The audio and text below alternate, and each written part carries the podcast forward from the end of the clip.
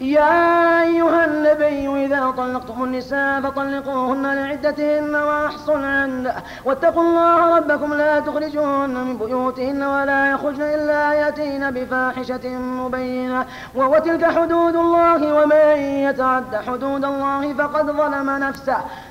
فقد ظلم نفسه لا تدري لعل الله يحدث بعد ذلك أمرا. فإذا بلغن أجلهن فأمسكوهن بمعروف أو فارقوهن بمعروف وأشهدوا ذوي عدل منكم وأقيموا الشهادة لله. ذلكم يوعظ به من كان يؤمن بالله واليوم الآخر.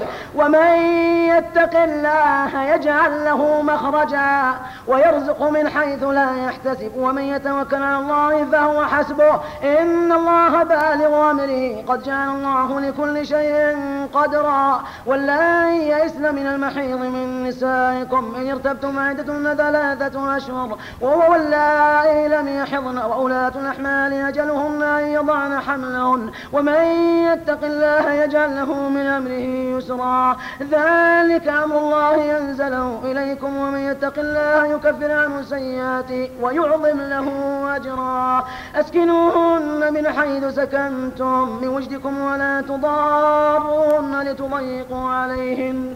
وإن كن أولاة حمل فأنفقوا عليهن حتى يضعن حملهن فإن أرضعن لكم فاتوهن. أجورهن وأتمروا بينكم بمعروف وإن تعاسرتم فسترضع له أخرى لينفق ذو سعة من سعته ومن قدر عليه رزقه فلينفق مما آتاه الله. لا يكلف الله نفسا إلا ما آتاها. سيجعل الله بعد عسر يسرا. وكأي من قرية أتى من ربها ورسله فحاسبناها حسابا شديدا وعذبناها عذابا نكرا.